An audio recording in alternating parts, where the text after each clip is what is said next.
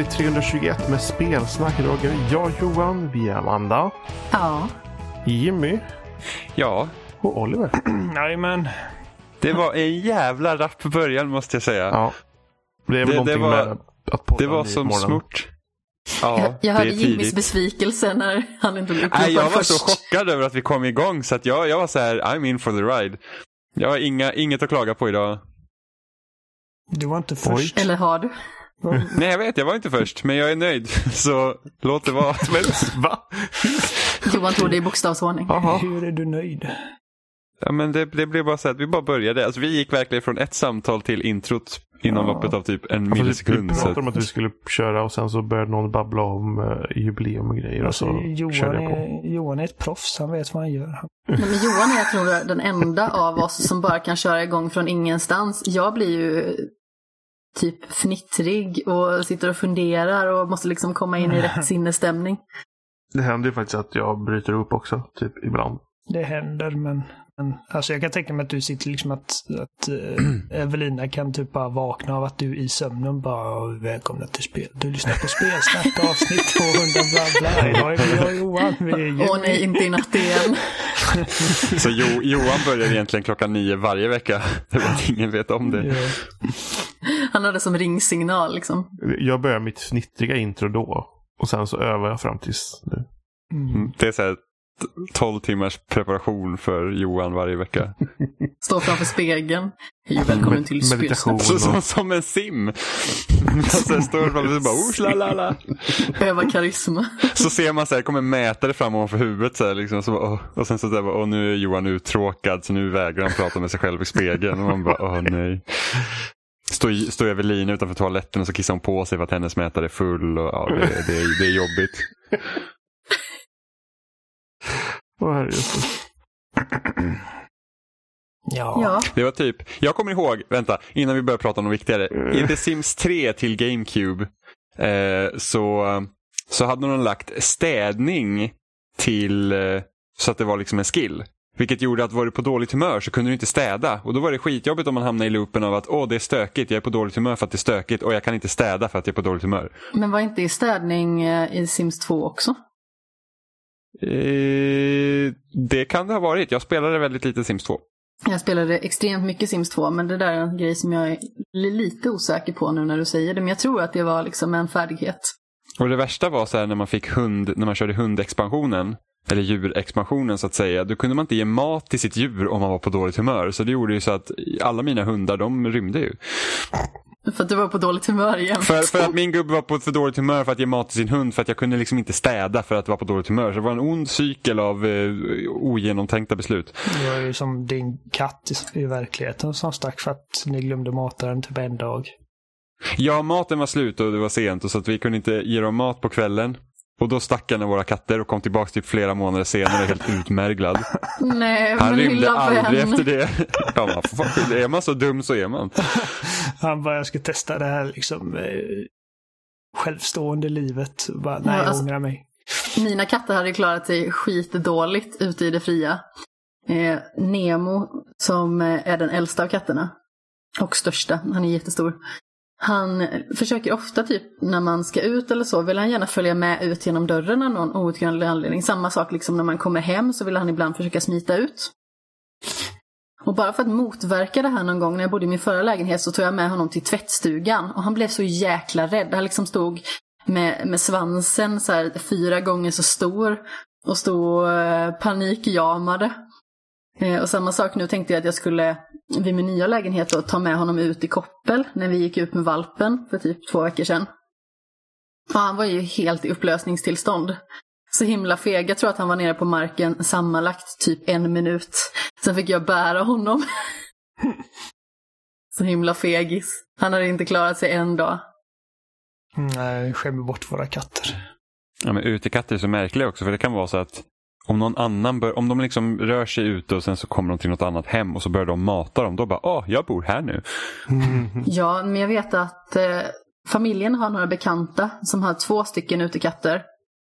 Och de är lite säsongare sådär, så en av dem på sommaren brukade dra till typ en husvagnsplats. Så liksom smög omkring där och folk liksom tyckte åh vilken gullig katt. Fick lite stek och lite kyckling och sådär. Så han sv- svidde omkring där liksom hela somrarna.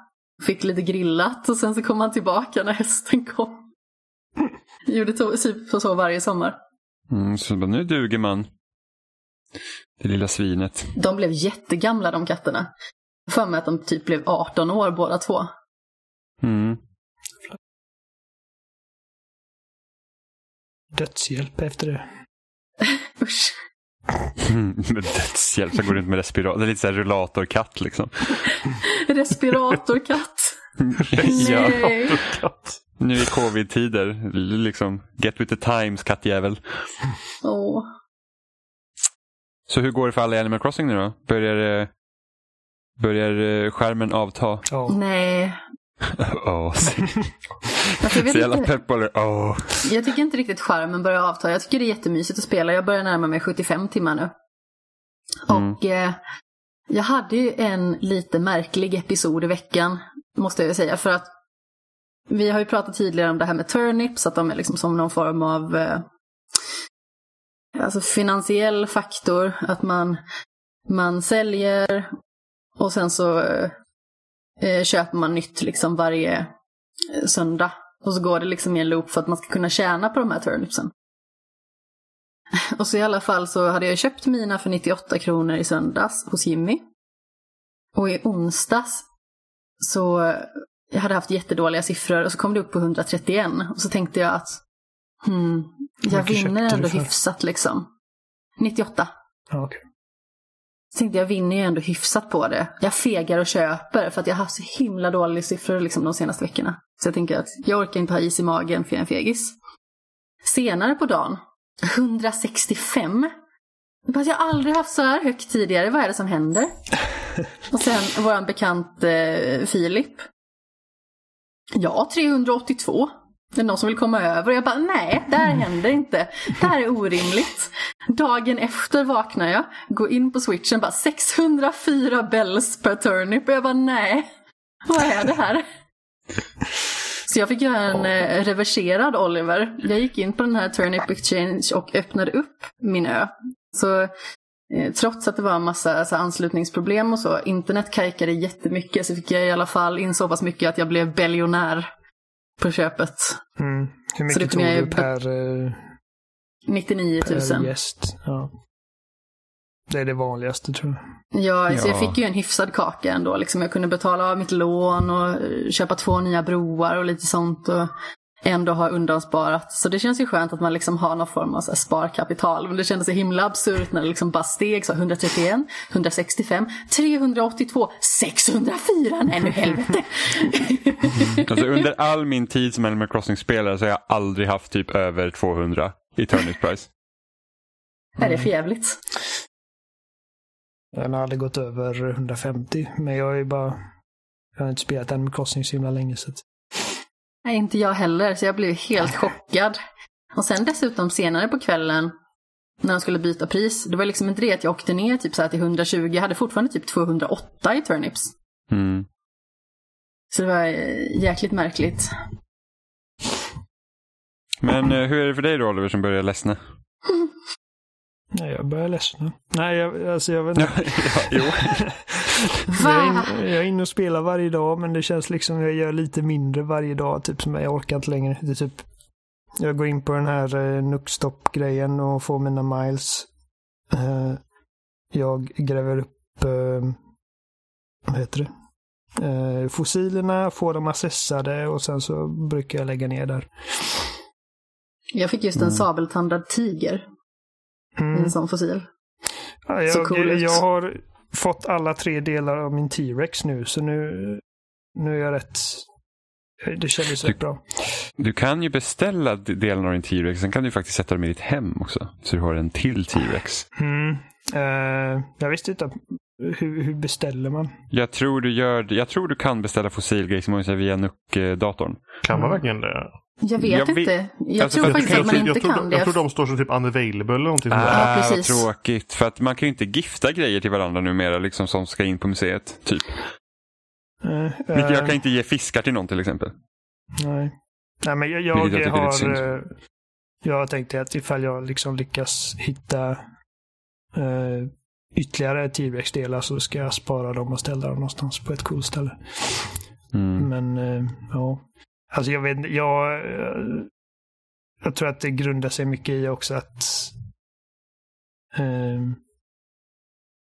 det har nog varit jättekul att spela fortfarande ifall jag liksom hade mer av eh, den här liksom kreativa venen. Eh, för jag Du sitter att, inte och pillar med ön nu då eller? Nej, för att jag, alltså jag, jag har liksom funderat mycket på det. Jag har kollat på massa videos för inspiration och jag liksom...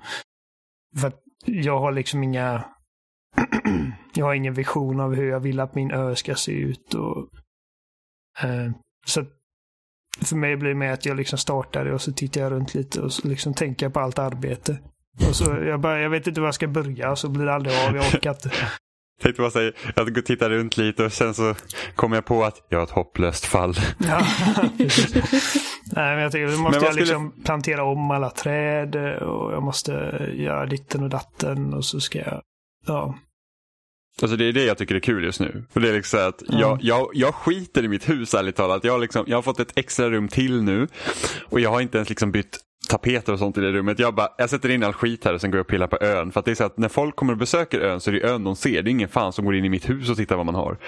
Eh, så att eh, jag typ jag tänkte säga jag fixar ön först och sen får man liksom börja hantera huset och, och liksom tänka ut vad man ska ha Mm. och sådana grejer. För det är lättare att fixa ön med tanke på att man har ju nästan alla grejer till sitt förfogande. Medan till huset så är det så här att okej jag skulle vilja ha det här här men när, ett, när kommer jag kunna köpa de grejerna? Två, finns ens de grejerna jag tänker att det ska finnas? Liksom? Jag har två rum som bara är liksom... Jag bara slänger mina turnips där. Jag har, alltså jag har inte möbler nog för att göra någonting intressant med det. Nej. Och sen måste jag även påpeka att det här med att man kan liksom eh, crafta och customisa sina egna möbler. Jag tycker att det systemet använder de jävligt dåligt. Alltså jag har en röd kyl och det går inte att ändra färg på den kylen utan man kan ändra så att åh, du kan ha typ magneter med typ papper på. Ja, men du vet som är så här, ett kylskåp Mm. man liksom hänger grejer på. Det är det man kan byta på det och jag vet ju att det här kylskåpet finns i fler färger. Men jag kan inte ändra färgen på den här. Vilket är jätteirriterande. Så jag förstår liksom inte varför de har ett sånt system som de använder så dåligt. Och de borde gjort att de flesta möblerna gick det att byta färg på. Ja, liksom, Ja. Alltså. Ja, verkligen. Absolut, istället för att man ska liksom, okej nu har jag en röd kyl. Vem har den vita kylen jag vill ha? Ja, men precis. Det Eller- känns eller väldigt fanns- bristfälligt. Eller att det inte fanns några gränser alls. Allt kunde du byta färger på. Men de vill väl Ja. ha kontroll över att allt ser bra ut. Att det tar lång tid att gå igenom alla saker och se ifall. Ja, och sen att man liksom då ska byta med varandra och använder dess dåliga online-system. Ja, Men det, jag tycker det är lite synd för att jag såg en soffa igår och jag vet att du har sagt liksom att du vill ha lite mer möbler och sådana grejer. Så jag tänkte om jag ska köpa den här soffan till dig. Så gick jag till min workbench för jag tänkte att jag ska göra den i en annan färg för den var mörkgrön. Ja, Eh, så tänkte jag att det kanske finns någon annan kul färg. Den gick inte att customisa alls. Så jag nej. blev lite besviken. Men jag skickade den soffan till dig i alla fall. Så att nu har du en soffa i alla fall. Ja, den står numera i mitt Turnit-brum tillsammans med en likadan soffa som är brun. Nej, jag trodde inte du hade någon. nej men alltså jag, jag, jag hade inte den soffan utan den, den, jag köpte den soffan också efter att jag hade fått soffan från dig. För den var också i min affär och den var brun. Så jag tänkte, oh ja, om man ändå inte kan byta färg på den så är det lika bra att köpa alla soffor man kan. Så jag kanske kan behöver ett rum med en grön soffa. Ja, men precis. Jag får ju tacka dig Amanda som skickade en eh, väldigt fin present till mig i spelet.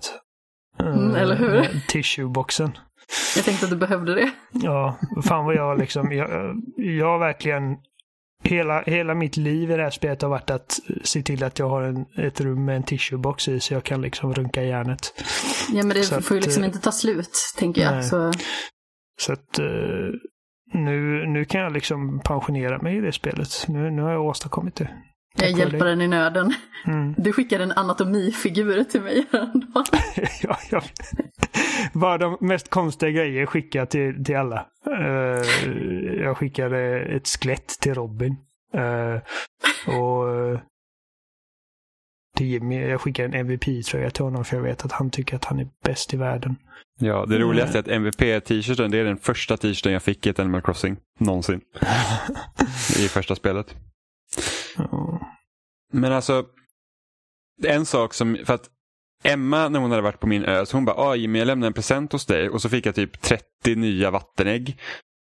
Ja, tack. Vilket, ja, ja, vi- precis. Här. Man bara, mm, typiskt Emma. Så jag tänkte jag skulle ju spara en massa ägg och skicka ett ägg på posten varje dag ja. i x antal dagar. Det går inte att skicka ägg på posten. Så jäkla... Alltså, vad, vad är det här Nintendo? Låt oss trolla våra vänner. Ja, det Alltså, jag hade sparat så mycket ägg ägg och sen så skickar ja, man skickar ägg och så skickar man ägg varje dag tills nästa Bunny Day-event. Så att man liksom låter mardrömmen fortsätta konstant. Man blir aldrig av med äggen. Jag, eh, jag skrev ju eh, ett eh, långt brev till dig Jimmy. Det sa typ här, alltså i rim och allting om äggjävulen. Och sen så när jag var klar med meddelandet så stod det att ja, du kan inte attacha ägget. Jag bara fuck me. Jag gillar att alla har haft den tanken att skicka ägg till folk. Faktiskt inte jag. Jag skickar bara tissueboxes. Mm. Soffor. Det viktigaste man behöver ha. Sliten med hälsan sa man som skickade t-shirtboxen. Philips rum är dock det, det märkligaste i hela Animal Crossing-universum. För han har typ en shrine till alla som är med i den här chattgruppen. Ja. Och sen har han ett rum speciellt dedikerat till Oliver med en tissuebox bredvid hans bild. Det är helt rimligt tycker jag ändå. Ja. Jag känner mig, jag känner mig ärad. Jag tror du skulle säga att du känner dig utnyttjad. Nej, Det hade, jag är det hade faktiskt varit ganska roligt om vi alla har ett Oliver-rum i våra... Jag ska göra min källare till ett Oliver-rum. Låt oss. kan man ha källare? Ja, Ja. det, det, jag tror det är sista rummet man eh, får. Jimmy väntar på att kunna få göra sin hemmabio. Det är så himla viktigt. Ja, jag vill ju göra så här. Jag ska ha bio i källaren så att jag ska ha så att jag vill ha en stor tv och en stor soffa och alla sådana grejer. Men det är bara det att jag tror att för att få riktigt bra grejer så måste Nuck-shoppen uppgradera sig först. Jag har inte ens sett en tv i spelet än. jag har jag en har inte- projektor. Ja, Jag har inte heller sett någon tv än. Jag, jag har sett att folk har tv. Ehm, så att eh, det, jag antar att när Nuck-shoppen uppgraderas då är det, då är det go time. För det brukar bli bättre grejer. Men eh, sen undrar jag om Nuckshoppen har fler uppgraderingar än en. För att i tidigare spel så har det funnits ganska många. Eller ja, i alla fall kanske typ fyra stycken. Det tar väldigt lång tid innan den uppgraderas. Jag är ju fortfarande liksom den gamla risiga shoppen. Och då har jag ändå spelat så himla många timmar. Mm, ja, jag tror det är Och så här också, va? 28, 28 dagar från att butiken har öppnat sig och man har spenderat 200 000 bells antingen genom att köpa eller sälja. Då ska den uppgradera sig. Så att de har ju liksom lagt Va? en tidsgrej på det. Ja, men, jag misstänker ju en grej när de har liksom sagt att ah, men event och sånt kommer i uppdateringar. Så f- tidigare så har det varit så att event och sånt har funnits i, eh, i konsolen by default. Liksom att det finns i spelet. Eh, och det finns ju inte just nu. För att de upp som Bunny Day-eventet, det kommer ju en uppdatering. Och sen är det ju Earth Day nästa vecka tror jag. Så att det ska också komma en uppdatering. Jag tror att spelet är ju inte liksom, de har släppt ett spel som inte är helt klart. Och de tänker sig att de lägger in det i efterhand för att det är väldigt lite byggnader och sånt och så kan man lägga till shoppar och sånt i efterhand. Alltså jämför med New Leaf, där fanns det så mycket olika byggnader. Liksom det fanns här, du hade en hel eh, affär, jag tror tillägnat till huset så man kunde liksom göra ändringar på det. Du hade liksom en hel affär för eh, blommor och sånt eh, så man kunde ändra det. Och med tanke på att man måste gå tillbaka till den här eh, lilla garderoben eller skåpet eh, i Nuckaffären för att liksom kunna köpa eh, blommor och sånt så skulle det inte förvåna mig om det någon gång i upp framtiden kommer liksom en uppdatering med liksom typ Gardener och sådana där grejer. Eh, Så att det är helt enkelt så att sp- spelet är inte riktigt klart. Men var det den 20 mars som spelet släpptes? Eh, ja, tror det. Då, en borde fredag. det absolut ha kommit en uppdatering. För så himla lite kan man ju inte tänka sig ha spenderat och jag har sålt för skitmycket. Ja, men det är från att dagen öppnas. Alltså från att du får affären. Till att, till att ja, det blir jag liksom... trodde du menade från eh, när man startar spelet. Nej, det är från när, när eh, det öppnar. Då borde det bara vara någon dag bort, tänker jag. Ja, det borde ju komma den här eller nästa vecka i alla fall. Så. Ja, snarare nästa vecka i och med att vi har spelat idag, söndag. Ja, jo, precis. Men jag tänkte att folk lyssnar på onsdag. Ja, Eh, sant. Sa Johan någonting? Va? Nej. Nej, okej. Ehm, nej, jag bara tyckte jag hörde någonting liksom spraka. Ja, skitsamma. Johan små sprakar i bakgrunden. Eh, Jag har inget att tillägga. Inte jag heller egentligen. Jag har köpt turnips Nej. idag. Ett helt inventory var- fullt. Vart köpte du turnips någonstans? Hos Robin. Jag med. Ja. Eh, Alltså har ni tänkt på att Robins ö ser ut som ett slagfält av träd? Den har en massa stubbar. nej, nej, faktiskt inte. Det, det, men det är, liksom, det, det är helt vilt. Alltså, det, liksom, hans ö är ingen ö, det är en skog. Ja, han har Ja, rätt mycket träd. det är nog min också typ. Min- Alltså det är så mycket träd. Alltså, det är så här, jag bara, hur hittar man ens någonstans här? Fast jag har rätt mycket träd också. För mig Jo, finns det ingen men alltså- rim och reson i vart träden står liksom. Åk till Robins ö så, så kan du, så liksom, det, han, han ger liksom ett namn till mycket träd. Det är liksom, alltså det är, det är liksom, det är, det är, det är som att någon liksom fes ut träd där och det bara exploderade med träd och så bara, ja. Jimmy är ett, nej, Robin är ett träd. Ja men lite så. Han, jag tänkte att det här ser ut som liksom äntrådet i eh, eh, Sagan om ringen. är jävla ent Robin, hör du det? Mm, så att det, var, det är helt sjukt. Och så man, så här, alltså, jag typ, man landar ut, sen så försöker man leta efter henne Daisy May där som man ska kunna köpa sina turnips. Så, nu är jag i skogen, jag är fan vilse. Det är liksom, hur ska jag, vart ska jag? Gud. Fast vara vilse i din värld, det är ju ändå Ja, det relativt kan säger jag men- jag, ja, men jag tycker man borde tänka på mig lite när jag kommer och besöker en så att man kan inte ha så vilt. så att alla kan hitta. Jag vet inte om Robin har låst i sin egen lägenhet. Jag, jag, vet, jag vet inte om här, går in på toaletten, kommer aldrig ut. Eh, jag vet inte om Robin har fått sina verktyg för att kunna ändra om ön eller någonting. För han har inga gångar heller. Så att det, liksom, det går inte att navigera sig runt hans liksom, miljoner träd heller.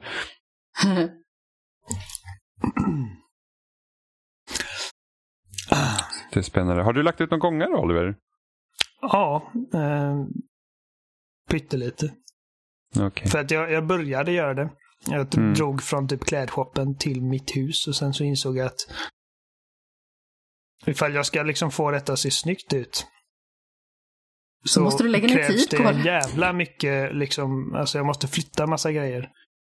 För att annars kommer det bara bli liksom att den här gången kommer se ut som en jävla liksom typ eh, orm med MS. Eh, ja, men liksom bara slingrigt och liksom bara... Det var ja, lite jättefult. för specifikt Så för att inte ha upplevts. Ja. Så eh, jag, eh, jag la det på is tills jag liksom flyttat runt. Alltså, eh, alltså, som sagt, någon gång, så, någon gång så ska jag försöka se till att jag börjar ändra om grejer och flytta grejer. Men det finns Alltså, så mycket jag- annat roligt att göra nu. Jag gillar Mm. när det är lite utpytsat sådär. Eh, sen så är Jimmy så här jätte, jättefin. För han har verkligen så här ordnat till med hur det ser ut med eh, typ små byar till sina hus och sådär. Och sen så finns det liksom en park, eller torg skulle man kunna säga också. Eh, och sedan så står butikerna liksom bredvid varandra. Din är så väldigt så här, uppsnofsad Jimmy, medan min är typ så här, jag har pytsat ut lite saker här, det här står här. Jag flyttade min shop igår så att den stod på en annan del av ön. Liksom så här. Jag har liksom inte gjort det med vidare eftertanke, vilket är lite olikt mig egentligen. För jag brukar liksom vilja ha kanske ännu mer strukturerat, men jag gillar liksom när det är så här asymmetrisk ordning på något vis. Mm. Ja men så tänkte jag också från början. Liksom, jag, var så här, jag, jag gick ut och placerade ut liksom lite här och var. Så här, för så, så har det liksom varit i Animal Crossing tidigare. Att man inte fått den här mängden av kontroll tidigare. Sen Men sen vaknade liksom- Sims-djävulen i dig och du Ja, bara men sen har jag jag måste liksom sett hur andra allt. har lite grejer. Tänkte jag, ja men alltså varför inte? Så att det ser ut som ett civiliserat samhälle. Så att... Eh, Eller jag tänker att jag, så, som, som det är nu så vill jag ha ett område för liksom, alltså residential area. Eh, ett liksom torg då med butiker och eh, museum och så ett ställe där det är liksom lite mer, där alla fruktträden står snyggt och någon trädgård där jag kan dumpa turnips varje vecka. Vad du, borde härligt. komma, du borde komma och besöka min ö Oliver så får du se hur det ser ut. Ja, ja, jag tänkte göra det. Herr ordningsman. Ja, men alltså det, det, det är så roligt. Tycker jag. Det, det enda är lite jobbigt att, som vi pratade om förra veckan, det är att det är så svårt att planera så att man liksom, ifall man råkar lägga fel och sånt för att det liksom tar tid och det är dyrt. Eh, men eh, hittills har jag väl lyckats ganska bra. Jag är inte klar med att flytta alla husen som jag ska flytta. Ja. Men eh, det är på G. Har du en spis och ett diskställ? Ja, Okej, tror det. Då behöver inte jag, har köpa det till dig. Jag har en blå spis till min röda kyl. Jag har en vit spis. Alltså en av, mina, en av mina bybor i min stad ser ut som att de har typ en fängelsedörr till sin ytterdörr. Jag är lite rädd för den personen. Alltså, det flyttade i- in en byfåne igår. Och det huset är så himla fint. Jag blir typ avundsjuk. Ja, alla Det har var finare hus än vad man själv har. Min trädgård däremot är jättefin. Jag har satt in tre stycken träd och så har jag satt staket runt och sen så har jag eh, vad heter det, satt in eh, min mountainbike och ett teleskop och sen den här eh, arbetsbänken också. Min trädgård är väldigt tjusig men huset tycker jag ser lite tråkigt ut. Jag önskar att man hade kunnat få välja hur huset skulle se ut mer än vilket färg, eh, vilket färg, herregud jag kan inte prata ordentligt. Vilken färg det ska vara på taket för det är det enda man får välja. Du Nej, ju- ju, ju du mer ju uppgraderingar du får till huset så ju mer kommer du kunna ändra på ditt hus. Va? Så att, så att eh, jag kan byta så här, ytterdörr och jag kan byta postlåda Men vad gör man tror det jag för någonstans då? eh, hos Nuck. Men eh, som sagt, du, du får nya, du får nya sådana saker när du eh, betalar tillbaka fler lån. Mm. Så att jag tror du till och med ska kunna ändra i alla fall så här, eh, yt, alltså färgen på eh, hela huset också. Inte bara taket. Mm. Jag ska kolla Nej. på det sen då, för jag har ju ändå betalat av väldigt många lån. Mm, då borde du kunna byta i alla fall postlåda och kanske dörren. Mhm. Jag ska kolla på det sen då. Min sanodag. Och Johan, hur, hur går planerna för din ö? Jag håller på och bygger tomter så jag kan få in fler folk i alla fall. Eh, Mm. Ja, du har inte fått terraformingsverktygen än? Nej. eh, Problematiken är väl typ att det är mest Evelina som spelar spelet. Men hon kan inte göra sakerna som eh, får Nej, spelet att gå vidare. Eh, så jag, jag borde spela lite mer så jag har fått eh, gjort det. Evelina är fast i liksom så här stenåldern. För att Johan inte vill fixa.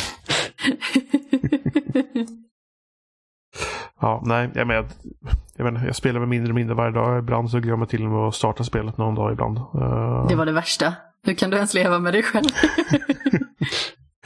Mitt mål har i alla fall varit att köpa alla de här eh, eh, KK-låtarna. Eh, och nu har det börjat loopa för mig så nu får jag inte några nya längre. Eh, Okej. så nu har jag fått sluta köpa låtarna i alla fall. Mm. Eh, annars är det väl typ att man du försöker starta spelet och försöker tänka på att jag borde få dit mina grannar. Annars Mm. eh, går det typ långsamt. Jag bryr mig inte om lånet överhuvudtaget på huset så det är bara jobbigt. för, mycket, för mycket krav. I Ja, den men här jag kände det. Också faktiskt. Typ så här. Nej men jag behöver inte ett fjärde rum, jag har redan tre. Jo. Ja, jag tycker inte dedikerat turniprum. Ja, jag tycker inte heller att huset är det mest spännande längre utan det är ju liksom att fixa på ön. Jag kastar ju bara in saker. Alltså mitt sovrum är jätte, jättefint. Jag har en jordglob och en liten eh, eh, hög med böcker. Och eh, sen så har jag ju liksom inrätt någorlunda tjusigt också och färgkoordinerat. Men alltså de andra rummen, de ser verkligen ut som att eh, det är en brottsplats, typ. Jag har också okej sovrum och ett okej kök, även om det är lite... Kanske inte är så hygieniskt att ha liksom verkstaden och köket i samma område, men... Orka sätta uh, workbenchen i ett av de andra rummen så måste man typ gå igenom en laddningssekvens för att byta rum bara för att göra ett nytt metspö var femte minut. Mm. Ja, jag har ju den här hela eh, den här lilla stubben har jag utanför mitt hus. Nej, men det har jag också, Ja, för jag den vill inte ha det inne i mitt hus. utanför, men eh, jag har det inne i mitt hus också ifall det är liksom... Helgardera dig. Ja, men alltså det är liksom... man Jag kan behöva man göra en måste yxa ändå inne. in i huset. Och, ja, till sitt, till, sin, och- till sitt storage. Ja. Ja, och hämta liksom järn och all skit. Så fan. Jaha. Fast jag hade ju ändå önskat att det var så att hade du liksom en workbench i ditt hus då går den automatiskt att ta och kolla ditt alltså storage. Så att man inte behöver plocka ut ja, det. Ja, jag, jag förstår att man inte ska kunna göra det när man är utanför. Men liksom i huset kunde väl ändå alla de grejerna för ja, finnas till sitt förfogande. Det finns massa grejer jag önskar att man hade kunnat göra. Mm. Sådana här små grejer som man hade kunnat fixa med en liten patch bara. Mm, vem vet, de kanske fixar. De har ändå varit ganska rappa på att uppdatera spelet. Det var ju någon så här, typ några dagar efter att spelet varit ute så kom ju en så här duplication glitch. Och den tog de ju bort ganska snabbt. Ja, Ja. ja. Så hur går det i Final Fantasy 7 Oliver?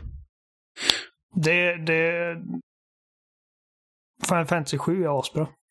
Mm. Faktiskt. Alltså, Jag håller med. Och, jag tror att om det inte vore för att, för att jag pratade med Adam häromdagen när jag sa liksom att i en alternativ verklighet så hade vi spelat Cyberpunk eh, 2077 den här veckan. Mm. Eh, Men en silver lining är att jag tror att om Cyberpunk hade släppts den här månaden som tänkt från början så hade jag nog inte spelat Final Fantasy 7.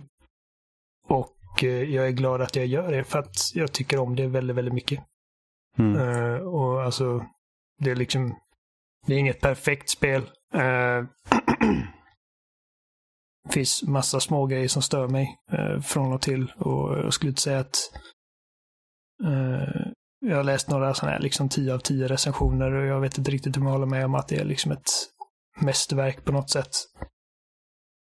Men striderna är kul och karaktärerna är ändå tillräckligt charmiga vid det här laget för att jag ska liksom bry mig lite om dem. Cloud är inte längre lika mycket av ett rövhåll för mig, vilket är jävligt skönt för att jag stör mig som fan på att han bara liksom skrockar åt allting. Uh, liksom ifall, någon, ifall någon vill ge dig en high five, ge dem en high five, din jävel. Och så har du aldrig blivit erbjuden en high five som känns awkward och man bara så här, jag vill absolut inte göra det här. Jo, men man gör det ändå för att det Definitivt. är värre att inte göra det. Det är liksom... Nej, jag har helt klart sagt nej till high fives när jag tycker att det känns fånigt. Ja, men ni är monster. Men nej. Du, du bara ignorerar alla dina villagers. Till och med, Ja, de är alltså, skitjobbiga. alltså, det- till och med den musen som jag hatar och bara liksom vill, vill få, få bort från min ö. Uh, alltså ifall han kommer typ och jagar mig och vill säga någonting, jag har inte hjärtat liksom ignorera han så att jag kommer aldrig jag. bli av med honom. Han är fruktansvärd. Den här Så du, har babianen. inte, så du har inte gått och slagit på musen med ett nät? Nej, nej. Alltså jag har gett upp liksom tanken om att bli av med honom. För att liksom, jag, jag är alldeles för mycket av en god människa. Mhm. Eh, och jag är uppenbarligen i, i ensamt sällskap i det avseendet. Era Ja, sociopater. men jag står för det. Var barbarer. Jag ska aldrig, jag ska aldrig ge dig en high five, jag vågar inte. Högfunktionerande sociopat om jag får be. Det är det värsta som finns typ. Alltså även ifall man får en high five och den typ träffar lite snett, det är ju as-awkward. Ja, Ja, nej, exakt. det- Så varför inte bespara sig från den eh, delen av eh, social interaktion? Den enda, den enda som jag vet är liksom eh, konsekvent med high fives, det är Sebbe för att vi har känt varandra i typ hundra år och eh, vi vet exakt hur vi ska göra våra high fives och de sitter som en smäck varje gång. Ja, vad härligt för Ja. dig. Eh, Alltså, alltså jag har en kompis som alltid vill typ göra så här olika handhälsningar och det blir alltid fel för att jag kan ingenting. Jag kan skaka hand. Det är liksom det är på den Mm. nivån jag är. Man måste bara, uh, alltså, bara, nej, vad gör vi nu? I alla fall, Cloud. Eh, fan vilket töntigt namn. Han, eh, han känns, han är fortfarande liksom den här typ stoiska, liksom bara, ja, ingenting är, ingenting betyder något för mig, men han, han är i alla fall inte elak längre. Han, eh, hurra. han, han har någon form av mänsklighet, vilket gör det roligare att spela som honom. Eh, dialogen är ju, alltså den är väldigt så här, barnprogram. Eh, Men Alltså- jag tycker röstskådespelarna väger upp det. röstskådespelarna gör ett bra jobb. De gör Eh, ett jävligt... Den enda jag inte gillar är Barrett. Jag trodde jag skulle ha mer problem med Barrett, men jag tycker faktiskt inte att han är så jobbig. Däremot så tycker jag att alltså mycket dialog från de kvinnliga eh, Ja. karaktärerna blir så himla löjliga. Jag Typ eh, det. Jessie i början bara My hero! Och man bara så här, herregud, nej. Och även inte Tifa, det. liksom, de, de missar aldrig en chans att liksom poängtera hur mycket av en en badass Cloud är. Mm, precis, Och så bara, åh men vi har Cloud med är oss, hans inget kan eh, stoppa oss. kapacitet. Vilket är rätt så kul om man har Cloud med som är både Tifa och Aerith för han sparkar röv. Ja, det Det är liksom så här, typ Tifa är min bästa karaktär i mitt party. Liksom, det, det är henne som jag spelar som mest, mest liksom. När jag vill liksom Ja. göra olika saker. Varje gång Eh, jag ser Tifa så tänker jag bara på det här jäkla jonet på Twitter som typ säger Tifas pojkvän eh, har tagit eh, 751 bilder av henne i alla vinklar. Och man bara så här, kan inte du bara gå och eh, kliva ut över den där klippkanten där? Det ser spännande ut. Låt folk runka. Nej men Jo, men- alltså. men jag, är ändå, jag är ändå fascinerad över hur många sådana här typ vad ska man säga, anime-avatarer på Twitter liksom är att typ att de vet väl om att porr existerar. Ja, men alltså, fan vad anime suger, jag hatar det. Alltså, det anime gör människor till bara hjärndöda zombies för att allting är typ bara... Nej, Ah, det håller jag jag inte vet, med om alls. jag vet att det kommer finnas folk som lyssnar på detta och bara vill döda mig för att jag säger det, men Ja. jävlar vad jag hatar det. Jag, och det är som, jag har sån jävla låg, som jag, jag sa det i chatten igår, jag har skitlåg toleranströskel för anime-bullshit i mina spel. Eh, och Final Fantasy 7 är liksom, det är precis under så att jag klarar mig. Ehm, men, eh, ja nej. Och jag håller med dig om de, de kvinnliga karaktärerna har de sämsta eh, replikerna. Alltså utan tvekan, hela Nej, men jag tiden. förstår inte liksom. Det känns som att de hela tiden måste på något vis undervärdera deras kapacitet genom att ge dem fånig dialog eller liksom få dem att visa någon form av undergivenhet liksom för att Cloud skulle vara någon form av unison räddare. Så, jag, jag har liksom inget problem. hela tiden. Jag har inget problem med liksom Cloud. Visst, han är negativ liksom. Han är stencool. Eh, men det är tjejerna också. De Mm. är supercoola. Jag tror den enda det egentligen funkar för det är Jessie för att hon känns som att hon gör liksom tongue in cheek. Att hon inte är seriös. Ja, Hon är så lite. Fast samtidigt kåt på så... Cloud. Mm, Jo, jo, jo precis. Men det är ändå så här liksom att hon, hon, hon liksom kör ändå den rollen. Sen de andra har liksom andra roller till Cloud också som gör att det blir liksom mer problematiskt. men det känns också lite så här fånigt att de måste på något vis etablera så här kvinnliga plus manliga relationer så himla tidigt. Typ bara när Tifa nämns så bara, har ni en historia eller? Och man bara så här, varför? Varför var det här Mm. ens nödvändigt? Jo, Känns lite det löjligt. håller jag helt med om. Eh, men sen så, jag hade ju annat problem med spelet i början. Och det är så himla löjligt för att jag... Eh, jag vet inte, jag är liksom sån att jag har inget problem med att betala för mig. Men finns det en billigare lösning så har jag liksom inga problem med att köra på den. För jag tycker att 699 som det kostar i eh, PS-shoppen, jag tycker att det är väldigt saftigt eh, ändå. Så jag tänkte, men jag kan i alla fall få ner priset lite grann, så då beställde jag det fysiskt. Det skulle jag inte ha gjort. För att jag satt och raderade och raderade och raderade och raderade och raderade och raderade så många olika spel bara för att få plats med Final Fantasy. Eh, för den här datadisken liksom, den vägrade att läsa. Det uppstod hela tiden problem.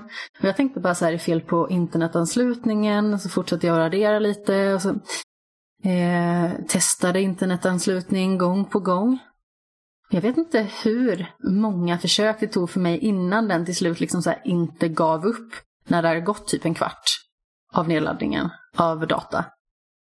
Och det var alltså så absurt. Och så stod det typ hela tiden så här, ja, men det varierade mellan 46 minuter och 99 plus timmar. Och så höll det på så, hoppa upp och upp ner. Eh, och jag, alltså jag blev helt tokig. Jag bara, vad är det som försiggår egentligen? Alltså den här kommer ju att faila och till slut så bara, åh nu är den bara ner på 69 timmar, vad skönt. Eh, och sen så från ingenstans, så här, 32 minuter. Och sen så bara rasslade det till och helt plötsligt så var spelet installerat. Så jag fattade liksom inte riktigt vad grejen med det där var. Det var jätte, jätteskumt. Och Playstation har ju det flummigt också. Playstation Typ är att så du, himla- du pausar alltså- typ nedladdningen och så startar den igen och så helt plötsligt så går det mycket fortare. Det är liksom Ja. helt...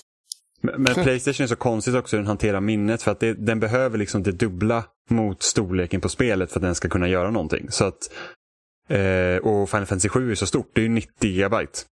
Ja, Så att då behöver man liksom ha så mycket plats ledigt bara för att den ska kunna installera även om spelet inte tar så mycket plats. men den här datadisken, det var ju 45 tror jag. Som Mm. den gick på. Eh, jag Men var tvungen att frigöra 197 tror jag det var. Ja, men då måste den säkert, den gör säkert plats för att ladda ner resten eller någonting sånt där också. Mm. Eftersom slutgiltiga platsen. För sen när den laddar ner allt och sen så packar den ihop filen och sen så lägger den den i liksom korrekt eh, mängd eh, någonstans. Så att eh, det var, alltså jag kommer ihåg när jag skulle installera, alltså första gången jag fick det problemet det var när jag köpte Horizon Zero Dawn och skulle ladda ner det. Och det var ju liksom så att Alltså jag fick radera så mycket grejer. Jag fick, då behövde jag över 100 gig ledigt Åh. liksom, för att Horizon är till 50. Jag minns när jag skulle recensera Horizon Zero Dawn. Och Jag hade inte eget bredband, utan det var delat bredband. Men eh, i och med att bredbandet inte var i min lägenhet så var det ganska svag mottagning. Så då fick jag eh, åka hem till mina föräldrar och sätta på nedladdning och de har ganska så, ja, det går inte fort i alla fall. Det, det är liksom, det känns som att de skulle behöva uppgradera sig lite granna. Eh, och så skulle jag dessutom vara hundvakt åt eh, deras hund. Och så satte jag mig liksom bara, ja men det här är klart om åtta timmar. Och man bara, ja, vad härligt. Ja, nej, fan, det, är jobbigt. Jag kommer, när jag skulle recensera Master Chief Collection då åkte jag hem till Robin och laddade ner för då bodde jag fortfarande hemma och vi hade bara mobilt bredband med en gräns på 50 gig och Master Chief Collection är Potatisinternet. 50 gig. Så att jag var så här, Robin kan jag komma hem till dig så jag kan ladda ner det här spelet jag ska recensera. Eh, men eh, du som precis har börjat med spelet Amanda, eller kommit en liten bit i alla fall, vad tycker du om det hittills då? Alltså jag tycker att det är jättebra. Jag tycker väldigt mycket om fighting-systemet. Jag gillar ju eh, mer actionbetonat rollspelande. Alltså likt typ Nier Automata eller Amen. dylikt. Eh, alltså, sen jag, jag tycker att de flesta rollspel som spelas på olika vis kan vara trevligt. Alltså jag har inget problem med på något vis, eller jag älskar ju till och med eh, strategirollspel i, i form av till exempel Fire Emblem och jag har ju spelat gamla Final Fantasy tidigare och, och sådant. Och sen så tycker jag om Pokémon till exempel som också eh, någonstans är mycket liksom, turordningbaserat eh, rollspelande. Eh, men, men action, alltså jag vet inte, det är någonting jäkligt visst med att gå runt som Cloud och så svingar man det här monsterstora svärdet och jag känner mig så himla häftig.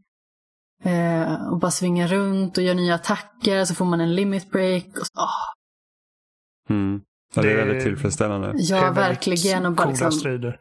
safta till svärdet mot eh, typ så här tre fiender i rad och så gör man en liten rullning och så går man på nästa fiende och så känner man sig jättehäftig.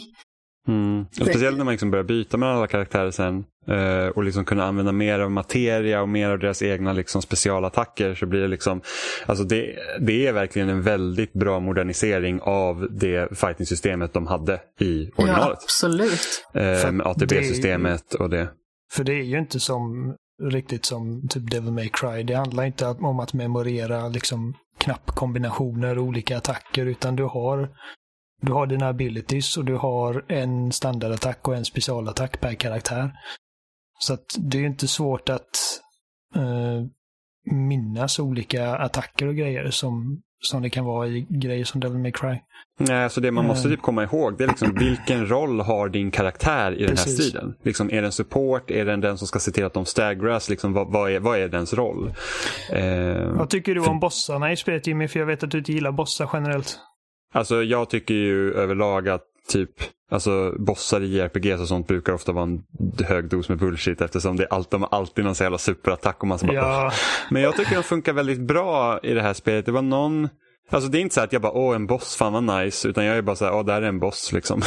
Det, det är ett nödvändigt ont. Men du och jag är ganska så lika på det. Jag tycker också i allmänhet att bossar ganska så ofta kan vara väldigt överflödiga. Eh, sen så finns det ju vissa bossar som man liksom har i åtanke som man liksom inte kan låta bli att tycka om. Jag tänker framförallt på typ Scarecrow i Batman. Jag tycker även att Killer Croc, trots att han är en jättetråkig karaktär, har en jättebra bossstrid i eh, Batman Arkham Asylum. Eh, de två är ju inte så mycket av traditionella bossar egentligen. Nej, men alltså, precis. De Det gör, är det mer, som gör det de gör mer spännande. av en bana av det liksom. Mm. Ja men precis. Men- Och när man har liksom en boss där det är typ så här, ja men det här är en stor eh, jättefiende som har eh, 71 gånger så mycket liksom, hälsomätare som andra karaktärer. Då blir det lite tröstlöst tycker jag. Det känns Ja, liksom bara ofta- som att det är bara till för att mata, det är bara till för att vara någon Och form sen av ofta när det liksom bara till för att få tid. Ja, Det är liksom så att det, det, det tar, alltså, visst, sen finns det ju de liksom som typ speedrunners eller något så här, som sitter liksom och, eller så här riktiga hardcore spelare som bara sitter liksom och typ, jag var max level innan jag lämnade första byn. Liksom, jag tar den här bossen på tre sekunder. Det är inte jag. Jag, jag försöker alltid vara så effektiv som möjligt när jag spelar så att det ska gå fort. Vilket Ja. gör att i rollspel och sånt, traditionellt sett, i alla fall när de brukade vara svårare än vad de är idag, så brukar jag alltid vara underlevlad. eh, och då blir det ju ännu värre såklart. Men eh, jag tycker inte bossarna något det finns ett par bossar i spelet som jag var så att okej det här är liksom inte kul, det här är bara liksom, det här känns bara slöseri med tid.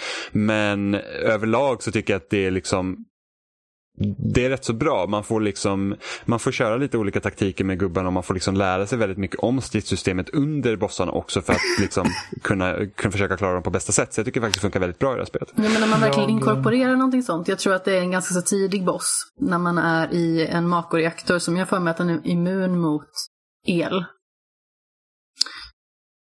Eh, och sånt tycker jag kan vara ganska intressant för då måste man liksom hitta alternativa lösningar på något vis. Mm. Men, alltså det bästa är eh, när man kan typ börja länka materia och sånt. För att typ, min Tifa, jag har liksom lagt så att hon har, hennes handskar, de, de gör isattack hela tiden. Så att när hon slår så blir det is. Eh, Och möter man liksom monster då, som ofta är liksom svaga mot is, då, då går det fort. Ja men precis. Jag gillar ju bossar generellt. Det, det betyder inte att jag gillar alla bossar. En bra boss är en bra boss och en dålig boss är en dålig boss. Och det, det är också väldigt mycket eh, beroende lite på genre också. Det är sällan jag känner det typ i shooters att jag, att jag Ja, nej. Det, det är inte många... Nej, äh, men för att shooters bryter ofta sina egna regler. Bara, här är de här fienderna som du har slagits mot genom hela tiden som har typ dött på några skott i skallen. Liksom. Och så kommer du till bossen Ja. som tål liksom flera magasin. Och det är liksom ingen skillnad på den här personen egentligen mot de andra förutom att det är en viktig karaktär. Halo har inte gjort eh, ett jättebra jobb med bossar exempelvis. Uh, Uncharted. Uncharted, eh, ja precis. Tvåans boss, den är ju helt sämst verkligen.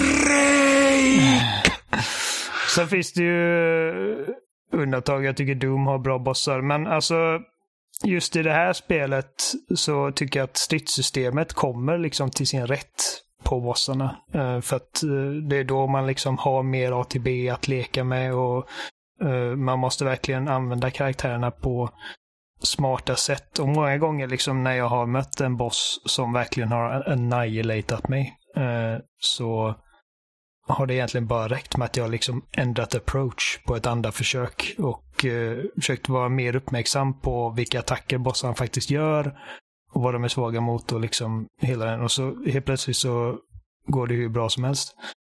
Eh, så att det är sällan jag tycker spelet är bullshit. Det är någon sån här VR-boss som jag är på nu som heter Leviathan som, alltså jag vet inte, den har en attack som täcker hela banan och one-shotar alla mina karaktärer.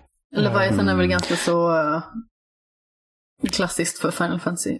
Ja, men alltså den, den kan du ju ta sen när du har levlat upp lite mer. Eh, jag gjorde inte alla VR-grejer för att så att, det där orkar inte jag göra.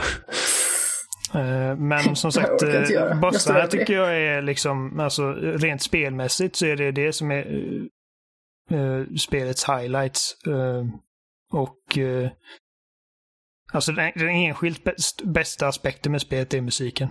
Eh, Ja, gud ja. Det är helt, det är helt fantastiskt.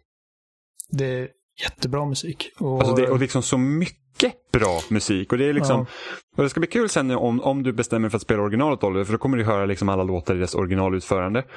Eh, jag tror det jag som tycker mest imponerande av det är det här, deras klassiska battle-tema som är liksom genomgående genom hela spelet som kommer upp i olika versioner lite då och då. Det liksom finns jättemånga olika varianter av samma melodislinga, vilket jag tycker är skithäftigt.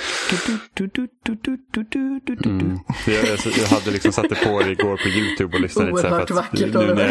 För att jag, jag har ju klarat av spelet, eller klarat ut spelet. Mm. Ehm, så att igår jag var så här, fan jag vill höra battle-temat igen. Och oftast när man spelar JRPG så efter typ 40 timmar då är man fan så jävla trött på det där jävla battle-temat. Man typ vill spy. Men fan, det, det är så jävla nice. Ja, det är fantastiskt. Man känner sig liksom så himla uppumpad när man ska spela. Tycker jag i alla fall. Eh, sen så, jag vet inte riktigt, jag tycker ju väldigt mycket om när det typ kommer mycket fiender. Alltså, vet när man springer igenom stan efter man har hoppat av tåget till exempel. Eller nej, det kanske är när man är på väg till tåget. Rent av. Jo, det är när man är på väg till tåget och så möter man jättemycket fiender. Eh, och att bara så här slicea sig igenom dem och hoppa från fiende till fiende och mula ner dem. Ah, still. Och så med Men sen- temat liksom i bakgrunden. Ja, Mm. Men sen när man kommer också till slummen där Aerith bor. Alltså den låten den finns ju inte i originalet. Eh, som spelas i den liksom lilla byn. Så att eh, den är helt den är liksom nyskriven för det här spelet och den är också skitbra. Eh, men vad jag skulle säga nu. Eh, jo, nej, men jag tänkte bara. Jag klarade ut spelet igår. Tror jag. Var det igår eller var det i förrgår? Nej, igår. Det spelar ingen roll. Vänta nu. I förrgår. Spelar roll. Det var i jag klarar ut förrgår. det. Jag, jag klarar ut det i alla fall. Eh, och, eh, och det är så här att Alltså det som slår mig ganska mycket med det här spelet är att det är typ det är så likt på Final Fantasy 13 många gånger och jag verkligen tycker inte om Final Fantasy 13. Jag tycker inte att det är ett speciellt bra spel. Eh, men när man liksom tittar på Final Fantasy 7 Remake så är det så himla likt 13 i dess uppbyggnad. Du har, det är väldigt linjära banor och så.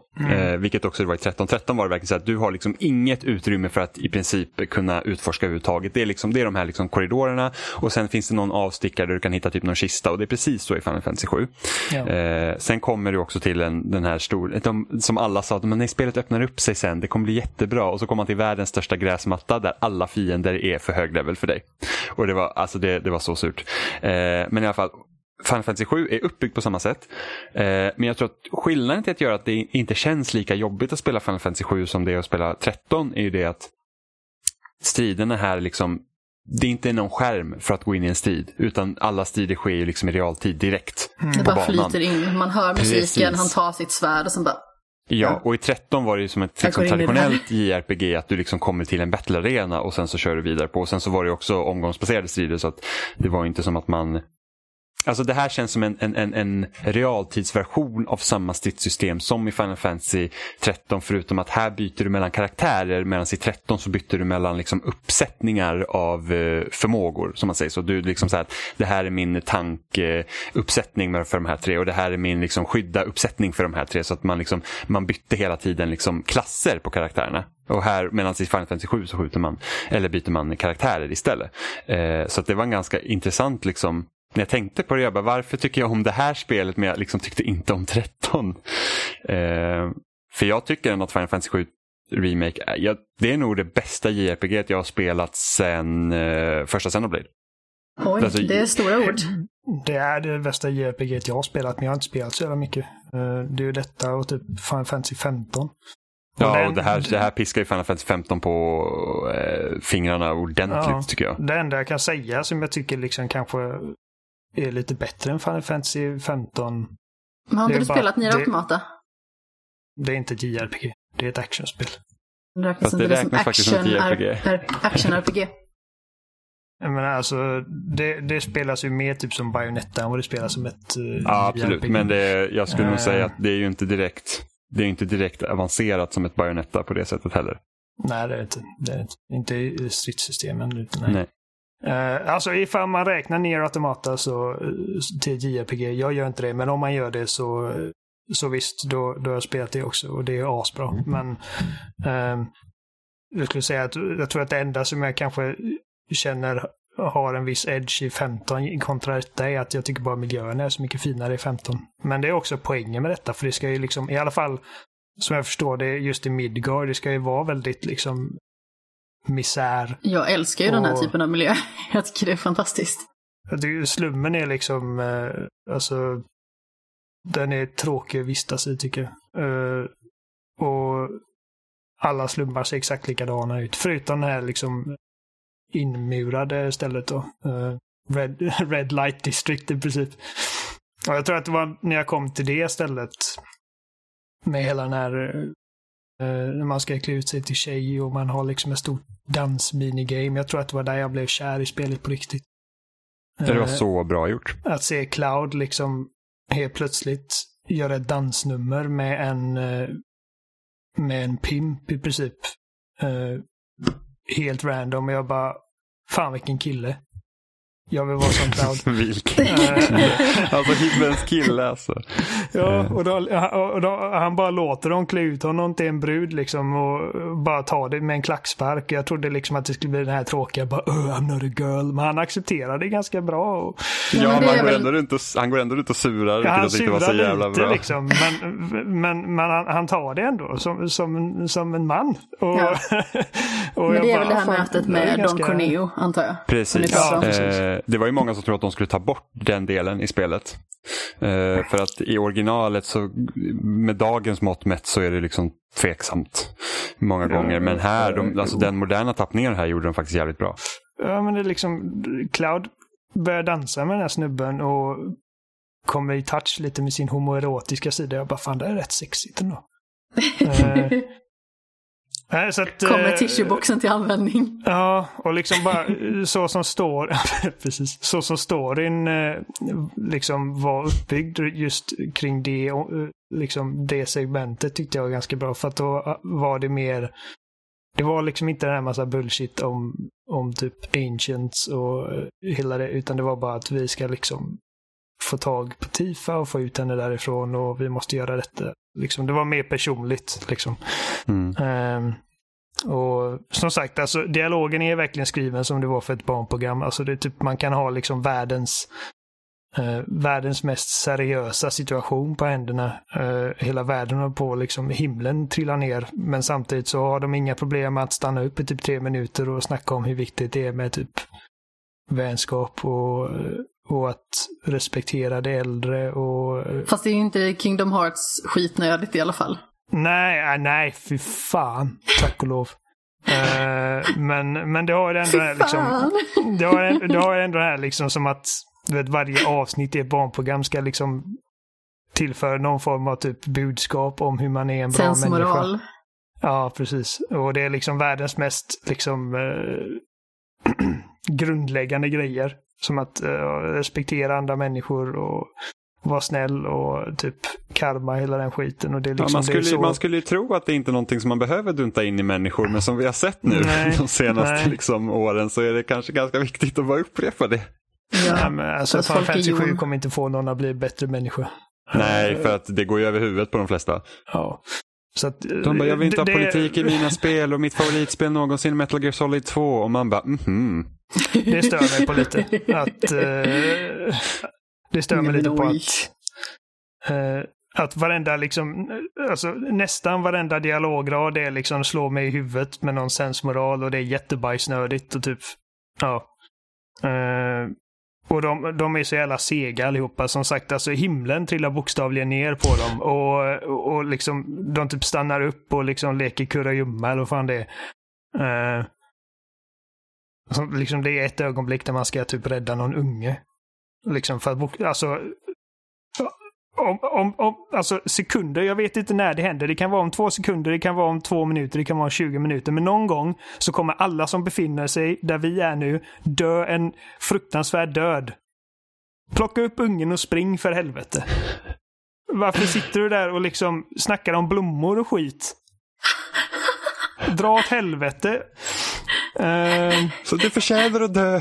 Ja, och varje gång liksom man kommer i kontakt med någon människa som är i kritiskt tillstånd så ska man sitta där i typ 20 minuter och liksom ha massa pans om uh, uh, Jag kommer inte klara mig tror jag. Uh, du får gå utan mig. Men, men ja, ja, jag var ju skyldig dig en pizza men jag, jag tror inte att jag tror inte att åh, åh, Tifa gråter. Sa jag något fel? Jag bara, alltså bara nådaskott i pannan och gå vidare. Re- Alltså, bara fuck off. Alltså liksom, klockan liksom. Som sagt, de vet inte, de vet inte när det är för sent. Och i slutändan, så, så alltså, jag menar, mild spoilers, de lyckas inte hejda detta. Liksom, apokalyptiska skiten att hända. Och om de inte hade suttit där och snackat med sina, sina kompisar så jävla mycket på vägen upp så hade de kanske kunnat rädda hela skiten. Men nej. Eh, Sådana grejer stämmer mig på. Men alltså, som sagt. Även om dialogen är skitbajsnördig, alltså nio gånger av tio. Så är det ändå att karaktärerna har ändå så pass mycket liksom personlighet och spelet har så pass mycket hjärta att jag ändå är engagerad i karaktärerna. Jag bryr mig om dem vid det här laget. Mm. Vilket jag aldrig riktigt gjorde i Final Fantasy 15. Nej, men, alltså Final Fantasy 15, även med liksom vanliga JRPGs mått räknade så var det bara jävligt märkligt. Det, alltså, som sagt, ifall det, ifall det spelet verkligen hade varit en typ en roadtrip med fyra kompisar och varit det hela vägen så tror jag att de hade kunnat få mig att bry mig mer än vad Ja. det... För att det, det blir liksom intrasslat i massa annan skit ganska snart. Eh, och det är, rädd, det är jag rädd att det här spelet kommer bli också till slut. Men Alltså det, eh, det, det blir, alltså jag skulle säga att det, alltså det, det är de sista stunden som man liksom, så, folk som inte har spelat originalet kommer vara lite huvudbry över, över slutet. Mm. Jag tänker Men, så här, eh, oj förlåt. Det är inte så farligt. Jag tänker så här Oliver, att om du ska spela något annat Final Fantasy-spel eh, så tror jag att sexan hade passat dig bra, för det är ganska så mörkt. Plus att eh, skurken Kefka, det är lite som, skulle kunna säga, en joker-karaktär. Han är Mm. liksom helt galen och eh, gör liksom riktigt ondskefulla dåd. Ja, alltså jag funderar ju på att spela sjuan. Alltså, Mm. jag är lite... Dels så känns det jättegammalt när jag tittar på det. Och, och det är för att det är liksom inte- jättegammalt. Ja, jo, det är ju jättegammalt. Men alltså, typ som Super Mario 64 känns inte lika gammalt som det där ser ut att kännas. Eh, men eh, samtidigt så är jag liksom intresserad av att se eh, vad som händer. Och det är lite så att jag hade inte varit lika pepp på att se liksom Harry Potter-filmerna på bio om det inte vore för att jag hade läst dem först. Förstår ni vad jag menar? Mm. Att man liksom vet vad man har förväntat sig och det ska bli kul att se det liksom presenteras i ett annat format. Alltså det som originalet gör så jäkla bra, som, som inte remaken gör, det är hur de bygger upp Sephiroth. Eh, för att Sephiroth är inte med i början. Du hör talas om honom för han är liksom den här legendariska krigaren, liksom den här legendariska soldiern som liksom ska vara liksom typ, han är the hero liksom. Eh, och sen när det liksom kommer den vändpunkten när man ins- inser att Sephiroth inte är god eller att han är liksom han är en skurk. Han har Det- väldigt det görs- tvivelaktiga motiv kan man väl Ja, säga. det görs så jäkla bra i origin- originalet. Alltså det, och det händer ju efter eh, man har lämnat Midgar. Ja. Så, att- så att, Alltså, eh, här är det ju ganska tydligt från början att han är liksom Ja. en on, ondskefull psykopat. Alltså, ja, jo men så är det. jag gillar jag, att eh, han är den enda som får Cloud att skita knäck i princip. För att han är ju så jävla... Alltså, tycker att han är så jävla cool. Och typ så när när man är i strider och Barrett bara “That was intense” och Cloud bara “That was nothing”. Han måste liksom trycka ner honom och bara visa att jag är så jävla mycket coolare än dig Barrett. Det där var inget för mig. Du svettas. Jag är helt ren.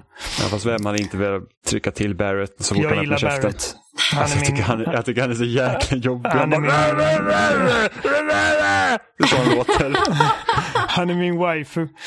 Eh, som an, andra tar liksom kort på Tifa i alla vinklar. Jag tar kort på Barrett i alla vinklar.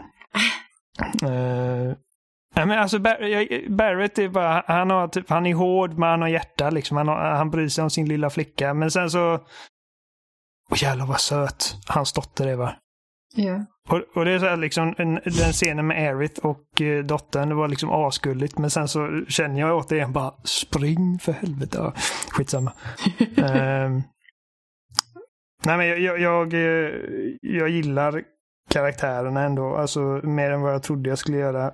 Och det är ändå, alltså liksom allting Tifa och Aerith säger är ju liksom cringe typ, men, men många gånger funkar det ändå. Och Ehm, alltså nu är jag ju nyfiken liksom på, på att se, för att jag har ingen aning om vad som kommer efter Midgar. Och det är därför Nej. jag är lite on the fence. För vill jag liksom veta vad som kommer?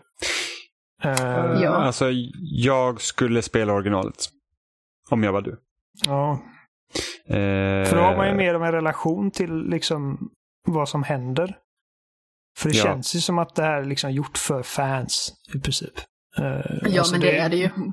Det, det är ju givetvis gjort så att man ska kunna spela det. eh, Även om man aldrig har spelat Final Fantasy förut. Men, eh, men det känns som att det är vissa grejer liksom som går lite över huvudet på folk. Jo, men hade de gjort det liksom så här, eh, som en ultimat upplevelse för sådana som inte har upplevt det tidigare, då skulle de ju ta hela spelet i ett svep, känns det som. Men det är ju väldigt mycket för fansen, liksom att få den här jättestora världen och eh, men, Mm. se den liksom blomma ut på något vis i sin, i sin storhet. Ja, För att jag är, alltså jag, jag är väldigt liksom... Jag är verkligen inne i det här spelet nu. Ja, men det- spe- spela, spela originalet. Alltså det, det, det, sätt, kör med alla fusk du kan tänka dig behöva ha. Liksom, och sen när du bara köra på genom storyn så tar det ungefär en 30 timmar också. Det fanns väl på Game Pass va? Eh, det kanske finns på Game Pass.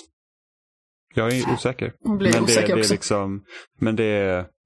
Jag gillar verkligen vart, vart jag är i spelet just nu för att det är liksom direkt efter att någonting väldigt hemskt har hänt och alla hjältarna känner sig liksom lite nedslagna så att deras dialog är inte lika bajsnödig heller. De pratar mer som normala människor. Eh, och eh, ja, det känns... eh, Ja, nej, det är väldigt bra spel alltså. Men alltså en sak jag måste säga, alltså, när man tittar liksom på det här spelet och liksom bara den detaljrikedomen som finns. Alltså jag, jag har svårt att förstå att det här spelet existerar.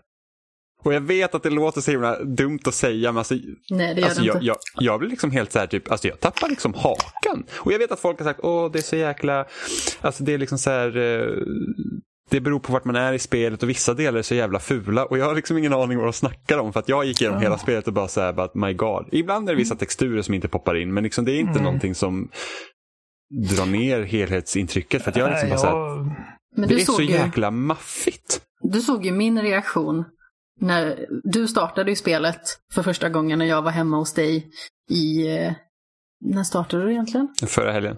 Ja, men var det i lördags var det va? Ja. spelar det någon roll? Nej, men nej. Alltså, det, ni båda nu bara, vilken dag var det? Ja, det var den dagen. Det var, det var, Hur som det haver, men du såg ju min reaktion i alla fall på vad jag tyckte om hur det såg ut.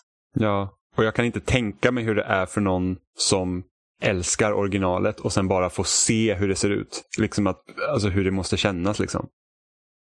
Jag tror att om jag skulle få en sån reaktion, liksom att se ett spel som man har spelat liksom så många gånger och sen liksom uppdatera sig till den här nivån så tror jag att för min del så är det typ Pokémon Röd. Hade jag fått se ett, liksom ett kanto som är liksom bara stort och liksom bara Alltså så, så detaljfyllt, då hade, jag liksom, då hade det varit svårt att liksom inte hålla tillbaka tårarna. Liksom.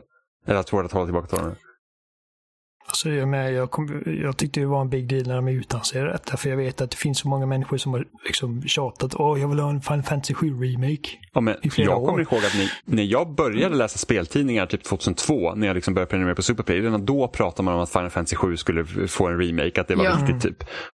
Och, och det har tagit så lång tid och jag kommer ihåg, och sen visade de ju upp något demo på um, det var när det var dags för PS3 så visade de upp någon demo med liksom cloud och så här. Och då var liksom folk blev helt vilda över det. Och sen nu liksom 15 år senare nästan.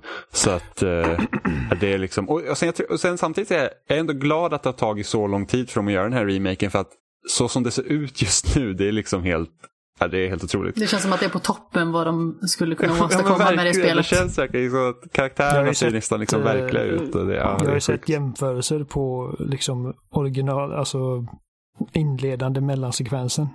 Och det, det är kul att se liksom hur långt man kommit. Mm. Uh, ja, nej, så att jag gillar det väldigt mycket. Det, alltså, bandesignen tycker jag är lite tråkig ibland för att det är mycket liksom Jag tyckte att du sa barndesign. Men, Barnen ser lite tråkiga ut. Det är, Ja. för jävligt.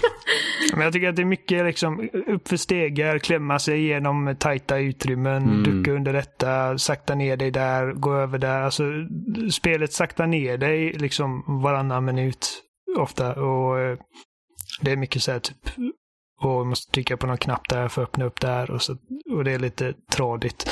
Men jag tror att mitt största problem just nu är att Buster Sword är så jävla coolt och jag kan inte använda det med gott samvete för jag, jag har ett mycket starkare svärd som jag inte vill använda men som jag måste använda. Jag önskar Nej, att jag jag, vet. kunde använda Buster Sword hela vägen för att det är Jag så ikoniskt. Det kändes fel att byta svärd, men jag Ja. körde med den här med typ de här japanska tecknen på sig. Eller, eller stort svärd. Eh, Och Bustersvärdet är ascoolt. Jag, jag vill bara spela Bustersvärdet men ja. Eh, nej så att eh, alltså jag, jag är väldigt överraskad av det här spelet måste jag säga.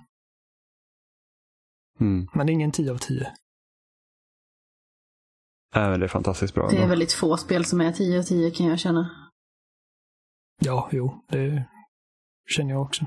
Det är samma sak, jag vet att eh, när det gäller film, då är det, jag tror att det är sex stycken filmer som jag har satt som fem av fem. Och det var någon som bara, har du bara sex stycken filmer? Jag bara känner liksom så här att, ja men, det ska väl vara någorlunda, alltså det, det ska mycket till för egen del för att en film ska uppnå så pass hög nivå. Ja, i alla, alla filmer kan ju inte vara som The Holiday. Mm. jag tycker inte att Holiday är 5 av 5. Nej, det hoppas jag inte. Jag tror att jag har har haft, ett jag, jag, har, jag har nog betydligt fler 5 av 5 än vi har 10 av 10. För att det är liksom lättare att uppnå. För att det är mindre skala. Eh, och jag har nog fler än sex filmer. Jag vet inte. Ja, nej. Jag har definitivt fler än sex filmer som jag tycker är liksom cream of the crop. Nej, men jag, alltså, För att jag alltså, vet inte, det är jag, jag någonting resonerar med som det så. där. Ursäkta, nu avbröt jag dig. Vad sa du? Nej, men det är någonting med det där som jag känner liksom att det... För mig så är det ändå väldigt svårt att uppnå. Jo, det är svårt Och jag jämför ju, även att man inte ska jämföra sinsemellan så mycket, så tänker jag liksom oftast, ja men, om det är en film som är riktigt bra, så här, men är den lika bra som No Country for Old Men till exempel? De sex filmerna jag har för övrigt, är Parasite, Call Me By Your Name, Incendies, Inglourious Basterds, No Country for Old Men och eh, Das Leben der anderen. Det är Eh, ganska många moderna filmer alltså. hyfsat. Eh, Så det är inte så ouppnåeligt egentligen om man kollar på historien av film som nej. finns. Nej, nej. Alltså- Alltså, men jag tycker också liksom att det är något, någonstans sådana filmer som jag vet inte. De har någonting väldigt särskilt och mäter sig en film med dem. Alltså den senaste som mätte sig med de här, det var ju Parasite. Jag kände liksom verkligen, jag kan inte sluta tänka på den här filmen. Och gången innan dess var det ju Call Me By Your Name då. Den äldsta av de här filmerna är ju bara 14 år gammal, så det är ju liksom inga gamla filmer. Men jag känner ändå att men det ska mycket till på något vis. Och det är samma Jo, sak alltså, med spel egentligen. För att, för att nå upp till det så krävs det liksom ett enormt bra hantverk. Men det finns ju också enormt bra hantverkare där ute. Och som jag, alltså Ja, jag känner så, min, min filosofi när det kommer till betygsskalor och sånt. För att man har alltid sin egen syn på betygsskalor. Jag vet att typ jag och Adam pratade här eh, för ett par år sedan. Han sa typ att liksom, det finns inga perfekta spel så jag har inte satt en tia. Men jag bara, alltså tian är inte en perfekt produkt liksom. Alltså, det är Nej, bara, definitivt inte. det, det här tillhör liksom bland det bästa som finns just nu. Och Ja, jag men- känner att liksom, eh, toppbetygen, de är ju fortfarande en del av skalan. Så att eh, jag, eh, jag anser inte att någonting är liksom ouppnåeligt. Nej. Eh, Men att ge någonting fem av fem eller tio av tio eller vad det nu kan vara. Det är ju ändå det är så extremt subjektivt. Alltså jag utgår inte ifrån någonting som har liksom med vad spelet eller filmen har för relevans för världen. Utan det är ju bara för vad det har liksom gjort för intryck på mig. Och för mig så är Batman Arkham Asylum till exempel 10 av 10. mm. Eh, det är inget perfekt spel. Samma sak Nej, liksom sista bossen Celeste. finns. Sista bossen finns. Den drog ner en, en, en, en pinne. Nej, Det men gör alltså, det definitivt. visst, det är ingen bra slutboss, men för mig är ändå spelet 10 av 10, för det är upplevelsen Ja, ja, men som det- har gjort det liksom. Det är Eh, som alla spel som jag skulle sätta 10 av 10 på har massa bullshit som jag gärna hade blivit av med. Det är liksom... Men man, men man får också tänka liksom... Alltså, det- som sagt, det finns inget som är perfekt. Jag skulle säga det senaste spelet som jag känner är... Och det här är så jävla gött med att jag inte är spelmedia längre för jag behöver inte tänka på betyg för jag är så jävla trött på den skiten. För att Ja. sånt känner jag ändras mycket. Eh, och det Ja, finns men liksom recensioner är betyg- färskvara. Så Det är Ja. liksom bara så. ja, det är jätteskönt på liksom- loading att vi inte har betygssystem tycker jag. Ja. För att det finns, liksom, det finns flera betyg som jag har satt liksom, genom åren som jag inte håller med om idag. Eh, som antingen har liksom växt, typ som Doom som jag satte sju på. Eller eh, grejer som har eh, ja, blivit lägre. Men alltså, jag tror att det senaste spelet som släpptes som jag känner är liksom där uppe och sniffar på tiden, det är väl God of War. Men det har ju också massa grejer som jag liksom ser, det finns massa rum för förbättring inför nästa spel. Det är bara att man, man får liksom ta det som en helhet liksom och se vad, vad tillför detta just nu. Och eh, hur står det sig jämfört med liksom det genomsnittliga. Eh, Jag är oftast väldigt mycket så här, jag jämför med mitt egna, mina egna känslor. Sen så, precis som vi har pratat om tidigare, liksom att har man någonting som är liksom i den absoluta toppen eller har man någonting som är liksom nere på inom citationstecken, typ så här plats 60, 61. Och så ska man försöka ställa de två spelen mot varandra. Eh, det är ju nästan, det är nästan svårare än om man typ har i toppen liksom, men du har det här spelet, så har du det här spelet, så här, vilket har väckt störst känslor? Alltså, ta typ, eh, om, vi, om vi säger att min topp tre, eh, kanske av spel, kanske består av typ Batman, kanske Celeste, kanske Super Mario Bros 3 till exempel. Eh, för det är spel som ofta kommer upp. Alltså de har ju gjort väldigt olika saker för mig. Mm. Så man får liksom nästan sätta det i relation till, till varann ut på sin spets. På något vis. Men jag har hört eh, så här eh, filosof, eh, filosofier om att ett spel kan inte uppnå ett visst betyg ifall det inte är bäst typ i alla kategorier. Jag tror det var Andrea Renee som sa det på Kinda Funny. Ja, men hon har konstiga hon- åsikter om mycket ibland. Alltså det, det är verkligen så att... Oh. jag, Alltså, jag, vill inte, oh. jag vill inte hänga ut någon, men alltså hon sa någonting jag vet, typ att alltså hon- eh, ett Ja, spel hon- kan inte vara Game of the Year om det inte har typ den bästa grafiken, den bästa storyn, den bästa kontrollen. Alltså det måste vara bäst inom alla kategorier typ. Och därför är ett spel som typ Super Mario, eh, ta typ Mario Galaxy, det är omedelbart diskat för att det inte har en story liksom. Eller ja. Bowser kidnaps Peach liksom. Och eh, det tycker jag är helt galet. Att, Ja, men det är lite som när eh, han som var tidigare chefredaktör för Game Informer, när han sa att det är orättvist mot alla storproduktioner om The Walking Dead eh, säsong 1 skulle vinna Game of the Year för att det inte är lika hög budget. Och man bara, what? Mm, nej men ja, jo.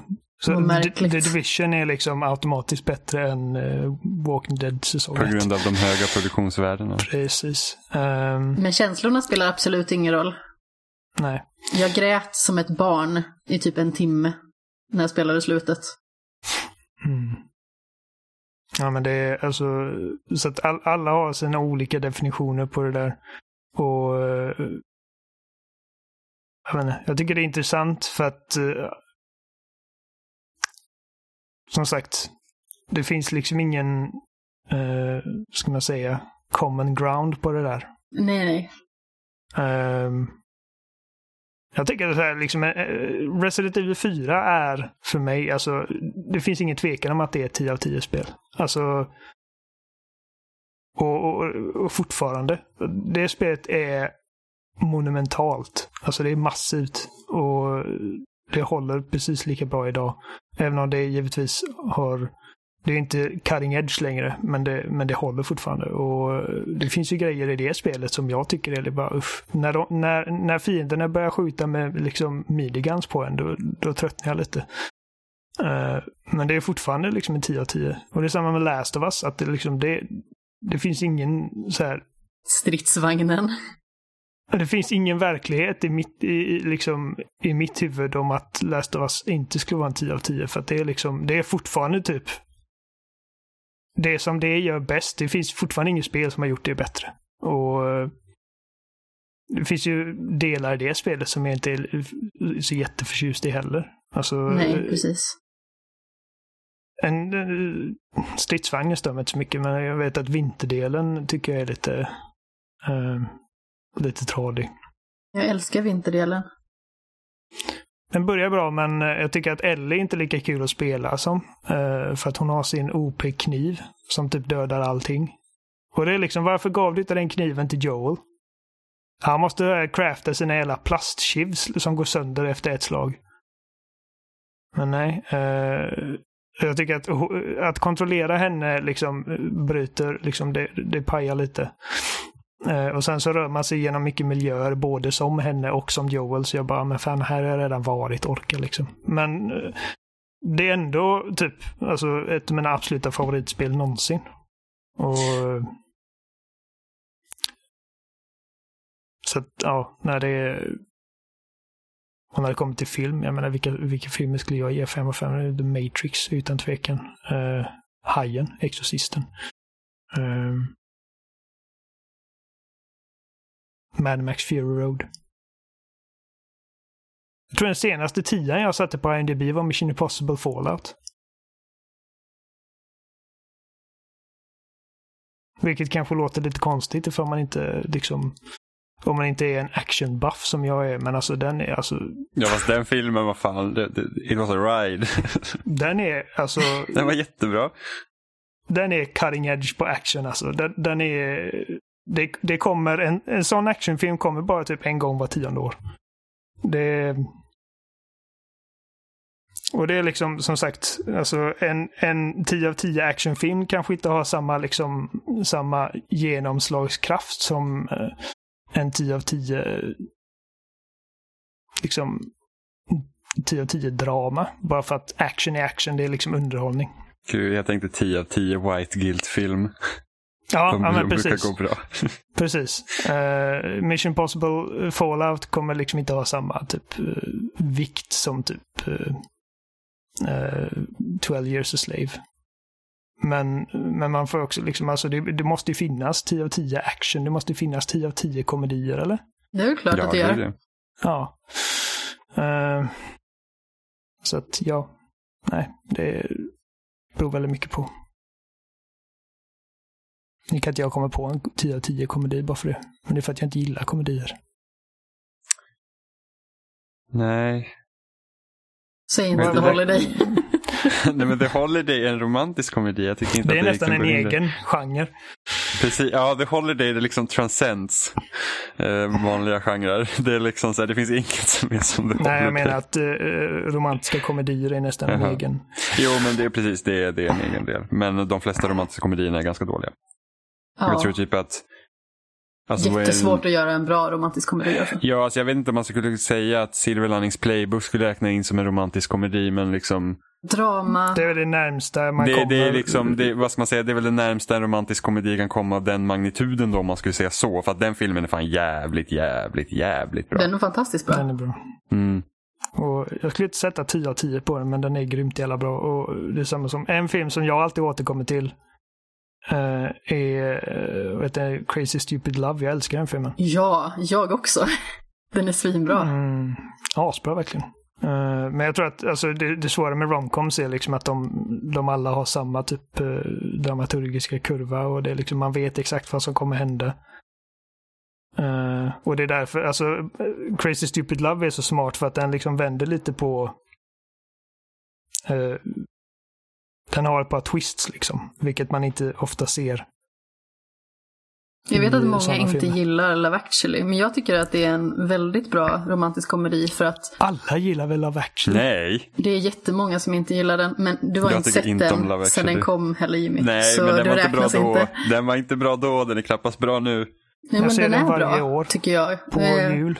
Av den anledningen att det känns som att man hela tiden upptäcker någonting nytt när man ser den. Nu har inte jag sett den på jättelänge så jag kanske inte tycker att den är lika bra längre. Mhm. Det Sluta. var skillnad på skit och pannkaka.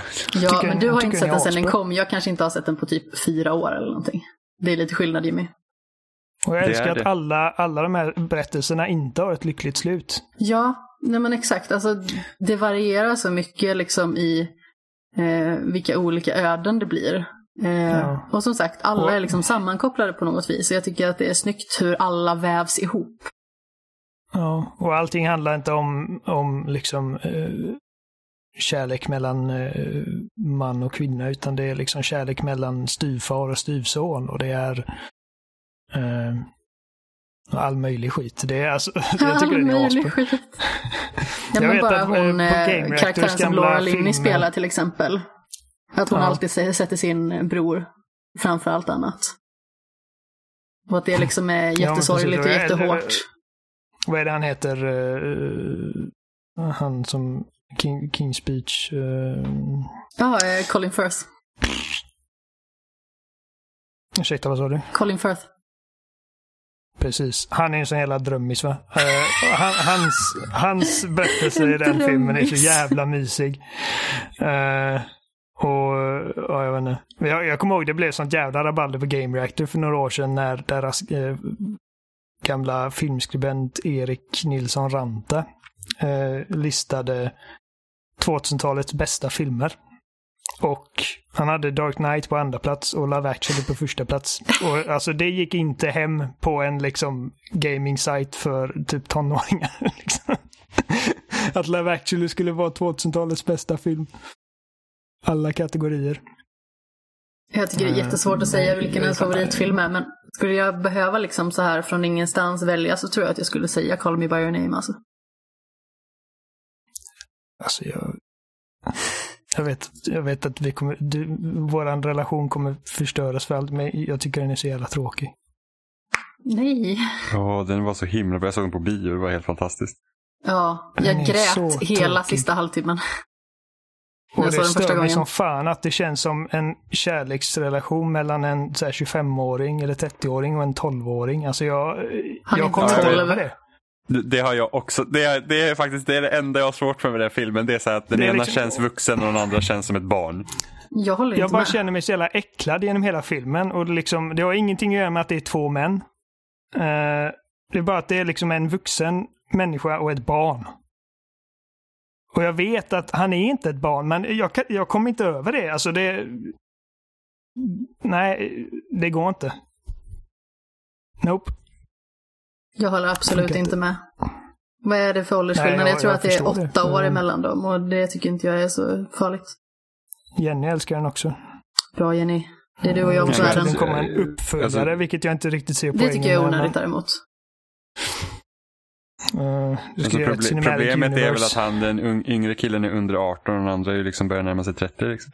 Nej, han börjar inte närma sig 30, han är Ja, men 25. skådes- ja, men skådespelaren är egentligen närmare 30 än vad han är 25. Ja, Skådespelaren är över 30. Exakt. Han känns, bara, Men å andra sidan så är ju i filmen. Elio, eller eh, Timothée Chalamet, han är ju över 20 också. Så Jag vet, jag vet. Men det är liksom... försök inte Han nu. Ja, Chalamet, alltså- han ser ut att vara sin ålder han är i den filmen medan eh, han den andra ser ut att vara äldre än vad han ska spela som. Tycker inte jag. Den andra snubben, Jag tycker det är jag kommer helt inte ihåg vad han heter.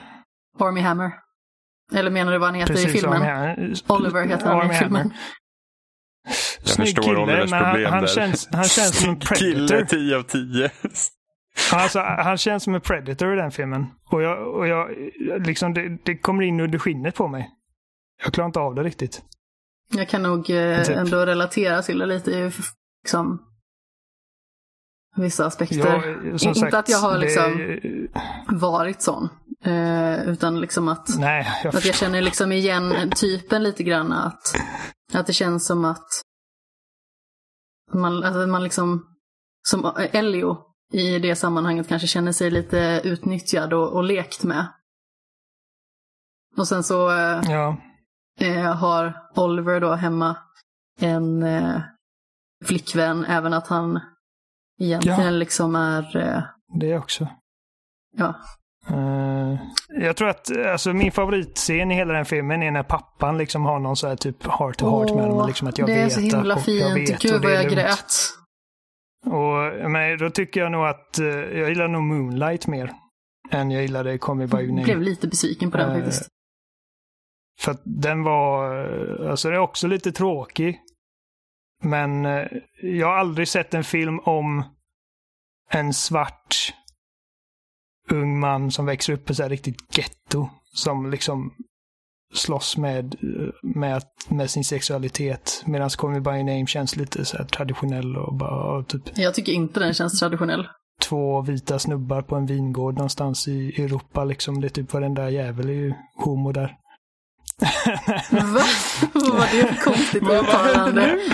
Ja, det var ett jättemärkligt uttalande. Det som jag Nej, älskar ja. så mycket med Call Me By Your Name, det är att det är en film som handlar väldigt mycket om eh, alltså att bygga upp förhållandet.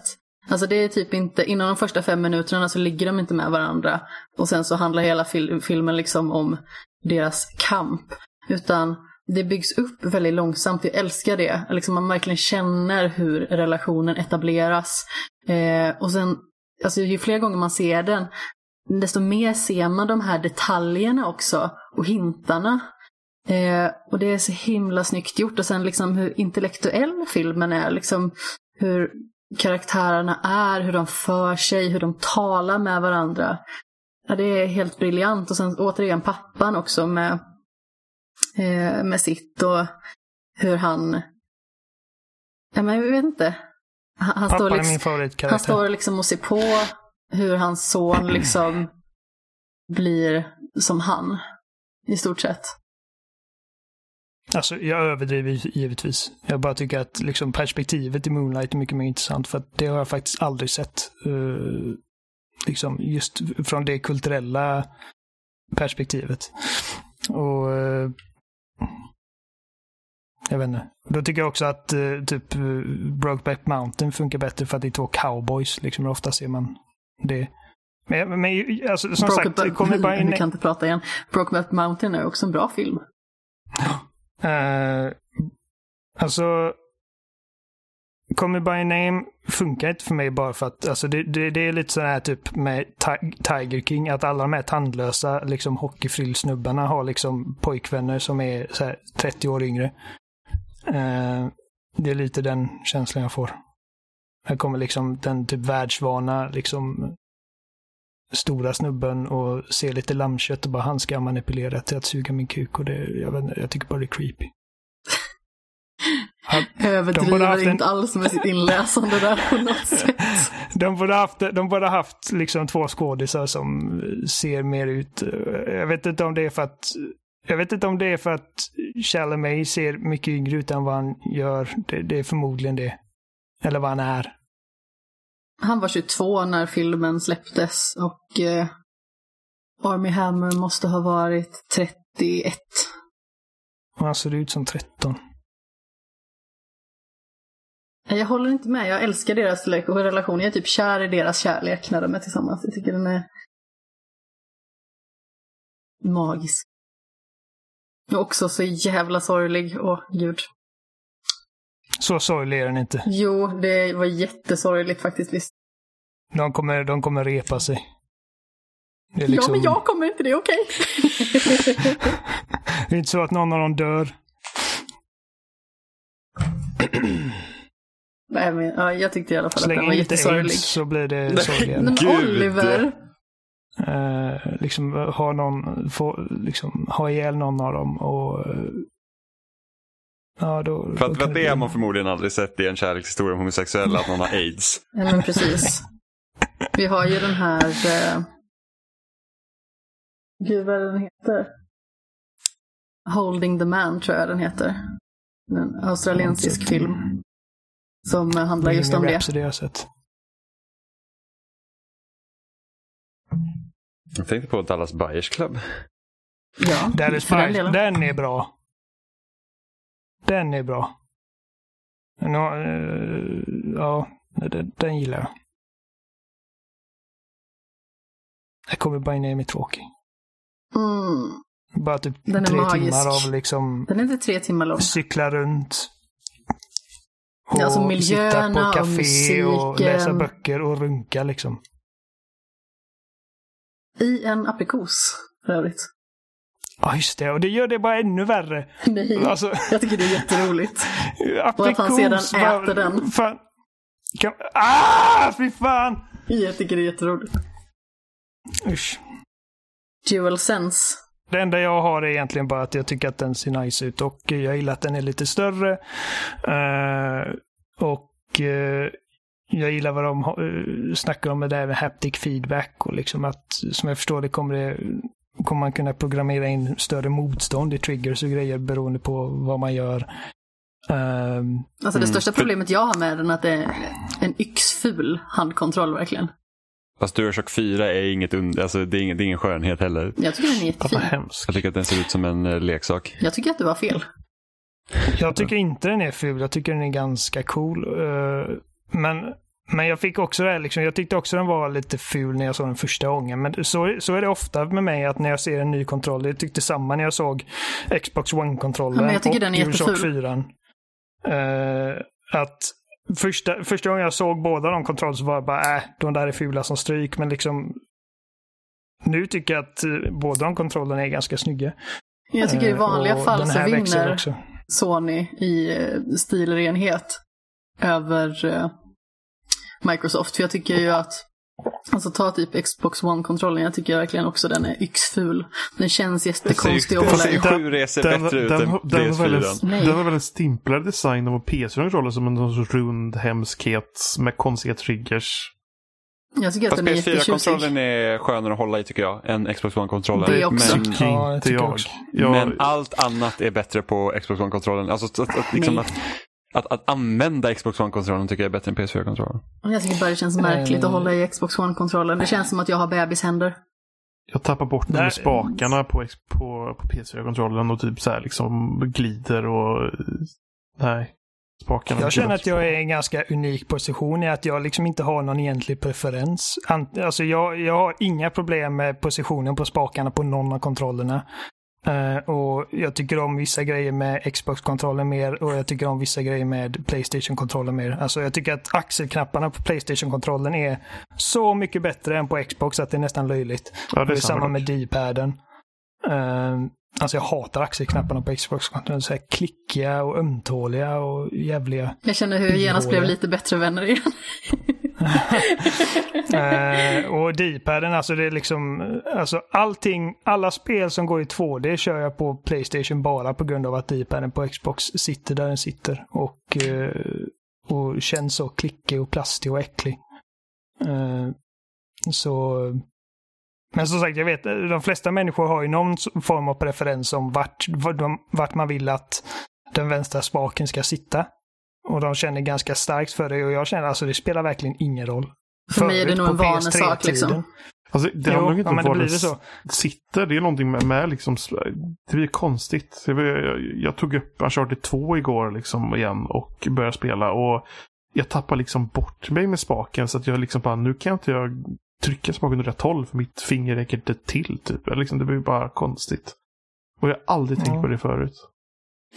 Nej, som sagt, alla har, de flesta har någon form av preferens och för mig spelar det verkligen ingen roll. Alltså jag har aldrig liksom ens reflekterat, de senaste typ sju åren, hela den generationen, så jag har inte ens reflekterat över liksom spakarna. Um.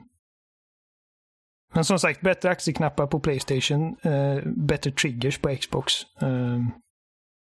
och jag menar, elitkontrollen är ju det är ju en annan, en helt annan bäst. Men jag, eh, bara en sån grej att Playstation 5-kontrollen faktiskt är någon, liksom, lite av en nyhet. Liksom, att, den, att den erbjuder lite nya features och att den ser annorlunda ut. Bara en sån liten grej gör att jag är mer sugen på att testa att spela på PS5 än på Xbox Series X just nu. För att jag vet att det kommer kännas nästan exakt likadant att spela på nästa Xbox.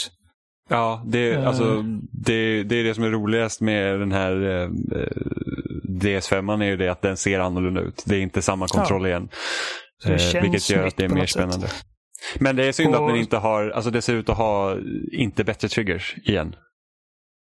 De ser plastiga ut Eh, fortfarande.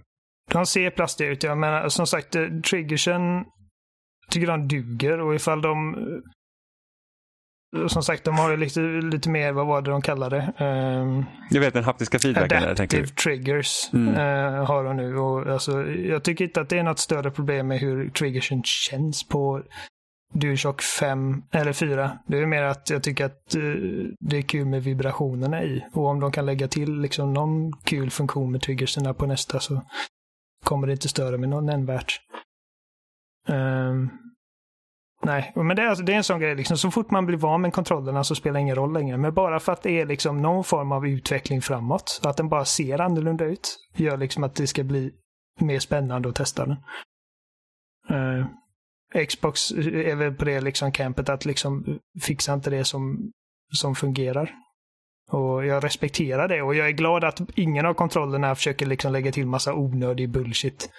Uh, det är liksom, de gör inte Nintendo-grejen som de gjorde för ett tag sedan. Nej, det tråkiga är Utan... bara det att Sony då blir fast med sina bullshit-grejer som liksom touch uh, och lysen och sådana grejer som egentligen är ganska onödigt. Lysen, alltså det är en sån grej som jag har kommit att uh, tycka är lite charmigt. Att de lyser lite grann, ser lite spacigt ut. Och uh, touchpaden, alltså det är som, det är som en select-knapp egentligen. Och ifall den ska vara bakåtkompatibel med PS4-spel så, måste den ha det, så behöver precis. den ha um, Men en grej som nya kontrollen har, den har ju mikrofon inbyggt i sig nu. Just det, att man och kan liksom känns, chatta.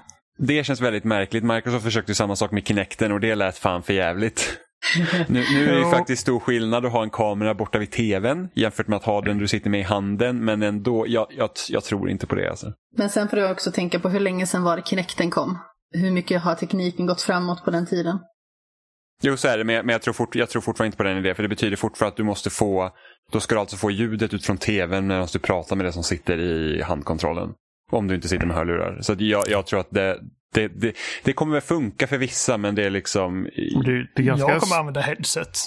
Ja, men jag med. smidigt på det sättet att du kanske inte behöver hörlurar som har mikrofon i. Så blir det ändå kanske okej okay ljud. Kanske få kontroll av. Man, man, får ju hoppas men, eh, men... Alltså, det värsta är ju dock om man hoppar in i multiplayer så sitter någon och inte tänker på att de har mikrofonen på. Och så har man barnskrik och rassel ja, och men, allt men, sånt. Ja, men det är ett problem nu också Ja, men tänk, tänk, men tänk dig att du har en liten del som bara... har mikrofonen på medan alla har en PS5-kontroll. För så var det med Kinecten i början när man väl lyckades komma in i multiplayer-matcher på Xbox One. Det var det att det, det hörde ju bara burkljud. Från, eh, från alla i partyt tills de raderade Kinecten. För mig kommer det bli mer att jag, att jag använder den mikrofonen för att liksom ifall jag inte har headset på mig och bara vill snabbt prata in ett meddelande till någon. Uh, jag kommer inte använda den liksom som primär chattmetod utan jag kommer ha ett headset. Men, men sen kanske mikrofonen är jättebra så det kanske inte behövs något annat och då är det kul. Men liksom det är alltid risky business när man sätter mikrofoner i sådana där grejer. Som gör att andra ska lyssna på det. Ja, annars har jag inte så mycket att lägga till. Nej, ska vi kalla det en dag? Ja. Ja. Jag är hungrig avrunda. Eh, vi finns som vanligt på spelsnack.com där vi länkar till alla möjliga ställen det finns. Det finns i de flesta poddappar och allt möjligt. Eh, ni kan mejla till oss, kontakta.spelsnack.com eller förnamnet.spelsnack.com. Finns på Instagram och Twitter, ett spelsnackpodd. Ja. Har du något att tillägga? Ja, nej. nej. Då säger vi hej då. Ja. Hej då. Puss i